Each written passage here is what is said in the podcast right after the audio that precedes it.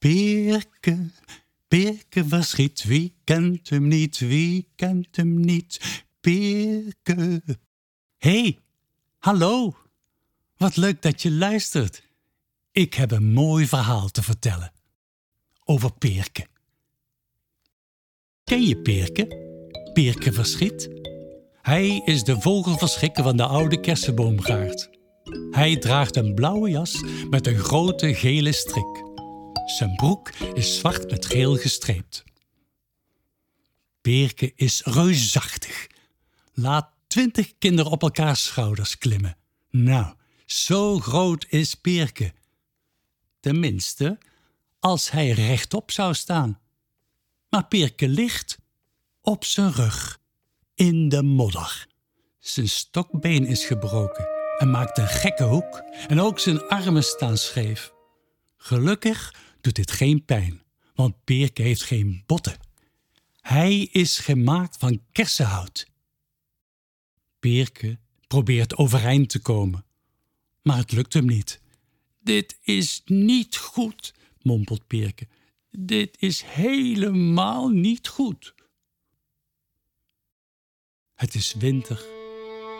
Sneeuwvlokken dwarrelen op hem neer. Het lijken net kersenbloesemblaadjes. Ijskoude kersenbloesemblaadjes. Over een paar weken wordt het lente en dan moet hij de kersenbomen wakker maken. Wakker maken, zul je denken, maar dat gaat toch vanzelf? Nou, mooi niet dus. Kijk, deze kersenbomen zijn oud, stokoud, een soort kromme oma en opaatjes. En die slapen graag lang uit. Dus moet Birke ze elke lente weer wakker maken. En dat is niet het enige wat Birke moet doen, want de oude bomen zijn ook een beetje traag. En een heel erg behoorlijk beetje vergeetachtig. Je snapt het al, zonder Peerke geen kersen. Maar, maar, kreunt Peerke, dat is een ramp. Want geen kersen betekent geen kersen op de taart, geen kersenkusjes en misschien nog wel het ergst van alles, geen kersenjam. Want wie houdt er nou niet van kersenjam? Iedereen houdt toch van kersenjam? Oh, jammert Peerke, was er nou maar iemand om mij overeind te helpen? De sneeuw is gesmolten, lente is begonnen. Alle bomen bloeien, behalve natuurlijk de bejaarde kersenbomen in de oude kersenboomgaard. Die slapen nog. Wakker worden, probeert Peerke. Maar de oude bomen horen hem niet. Ze zijn stokdoof. Oh, kon ik maar dichter bij hun stammen komen. De lentewind komt even kijken. Ze speelt en flappert met de broek van Peerke. Het wordt een zomer zonder kersen, zucht Peerke. De wind stopt meteen met spelen. Hé, hey, kun jij me niet overeind helpen? vraagt Peerke. De wind fluit eventjes en neemt een aanloopje. Maar hoe zij ook blaast en stormt, ze krijgt Peerke niet overeind. Ze moet iets doen, maar wat? Ja, ze gaat hulp halen. De wind waait naar Ravi, een kleine jongen die heel graag vliegert. De wind streelt Ravi's wang met een briesje. Hallo wind, roept Ravi vrolijk. De wind praat niet met woorden, maar kietelt Ravi's nek en duwt tegen zijn rug. Ravi moet ervan giechelen en begint te rennen. De wind geeft hem nog meer duwtjes. Zo wijst Ravi de weg naar Peerke. Ravi ziet Peerke lang uit in de modder liggen en probeert hem meteen overeind te helpen. Hij trekt en sjort zo hard hij kan. Maar het lukt hem niet. Ik ben veel te zwaar voor jou, zegt Peerke. Wat moet ik dan doen? vraagt Ravi. Nou, ik hoor dat je best goed lawaai kunt maken. Ah, roept Ravi nog een keer. Geweldig, zegt Perke. Geweldig. Ga eens dicht bij die oude kersenboom staan. Houd je handen rond je mond en roep zo hard je kan: wakker worden! Ravi rent erheen.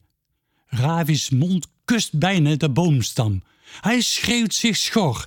En nu bij alle andere kersenbomen, roept Perke. En? vraagt Perke als Ravi klaar is.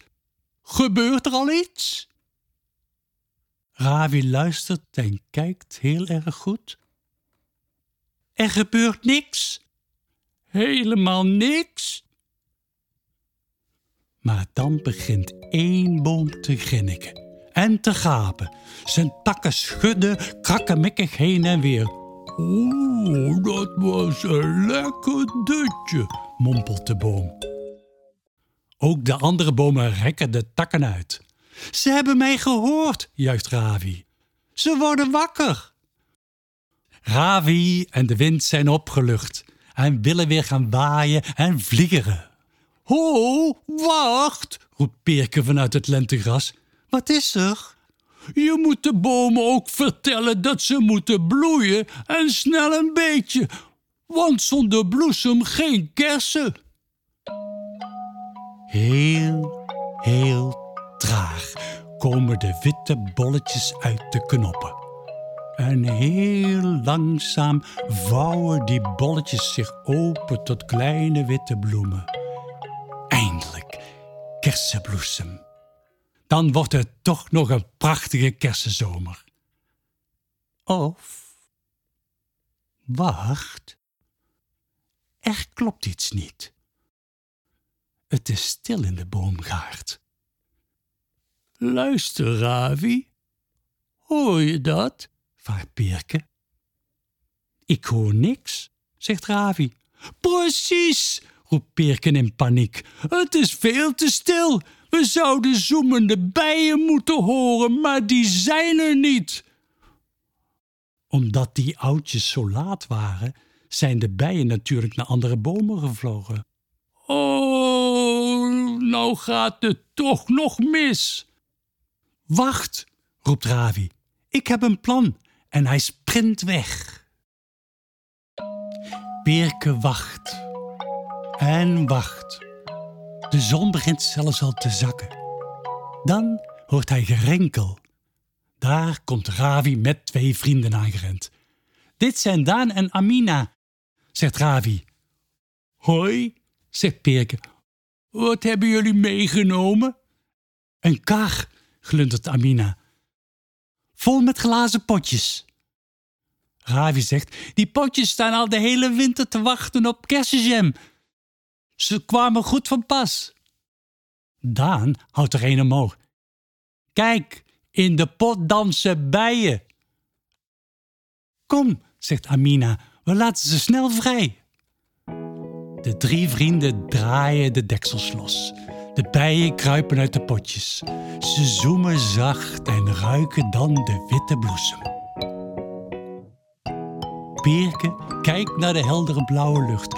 Bijen! Hij zucht opgelucht. Er zijn bijen! Wat kan er nu nog misgaan?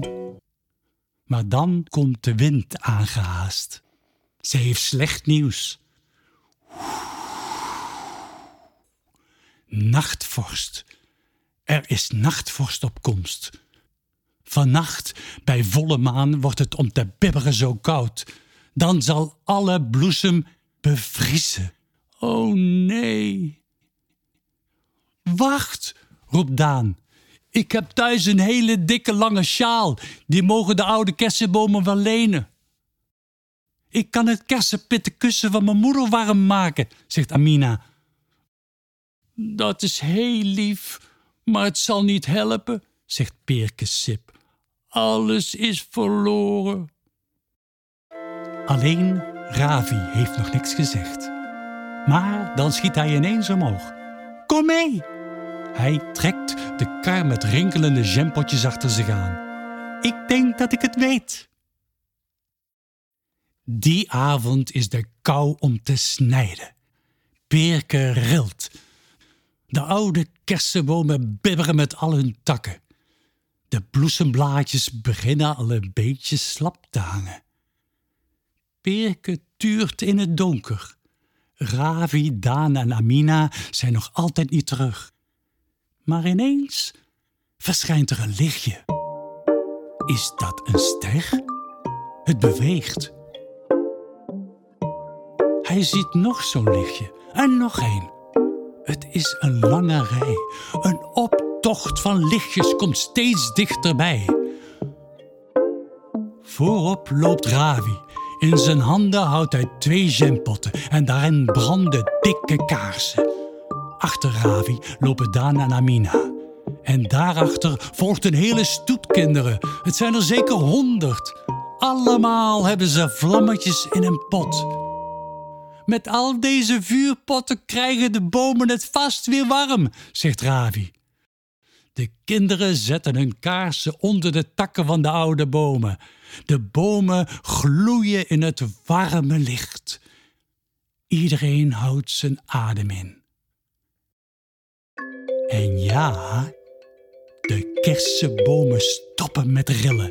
De bloemblaadjes zijn gered. Iedereen juicht met de handen in de lucht. Behalve Perke. Hij is het meest blij van iedereen. Maar ligt nog altijd op de grond. Kom, zegt Ravi, nu gaan we Perke helpen. Een van de kinderen zegt: Ik haal mijn zus, die heeft een gereedschapskist. Een ander roept: Bij ons thuis ligt een accuboormachine, die mogen we wel even lenen. En zo wordt Peerkes been gerepareerd en zijn armen rechtgezet. Dan roept Ravi: Kom jongens, met z'n allen! Oh, zegt Peerke, oh, wat gaan jullie doen? Het lukt één kind natuurlijk nooit om Peerke overeind te krijgen. Maar honderd kinderen zijn samen zo sterk als een takelwagen. Ze duwen en ze trekken. En ja, Peerke komt overeind. Heerlijk, zegt Peerke. Nu kan ik weer op de uitkijk staan en zwermen spreeuwen verjagen, want het wordt zomer. Natuurlijk wordt het zomer. De kersenbomen krijgen groene blaadjes en daartussen hangen de kersen, die steeds een beetje groter en roder worden. Elke dag komt Ravi langs om er eentje te proeven. Hmm, het duurt nog even, zegt Ravi tegen Peerke. Maar ze weten allebei, het wordt een zomer met kersenkusjes en potten vol met kersenjam.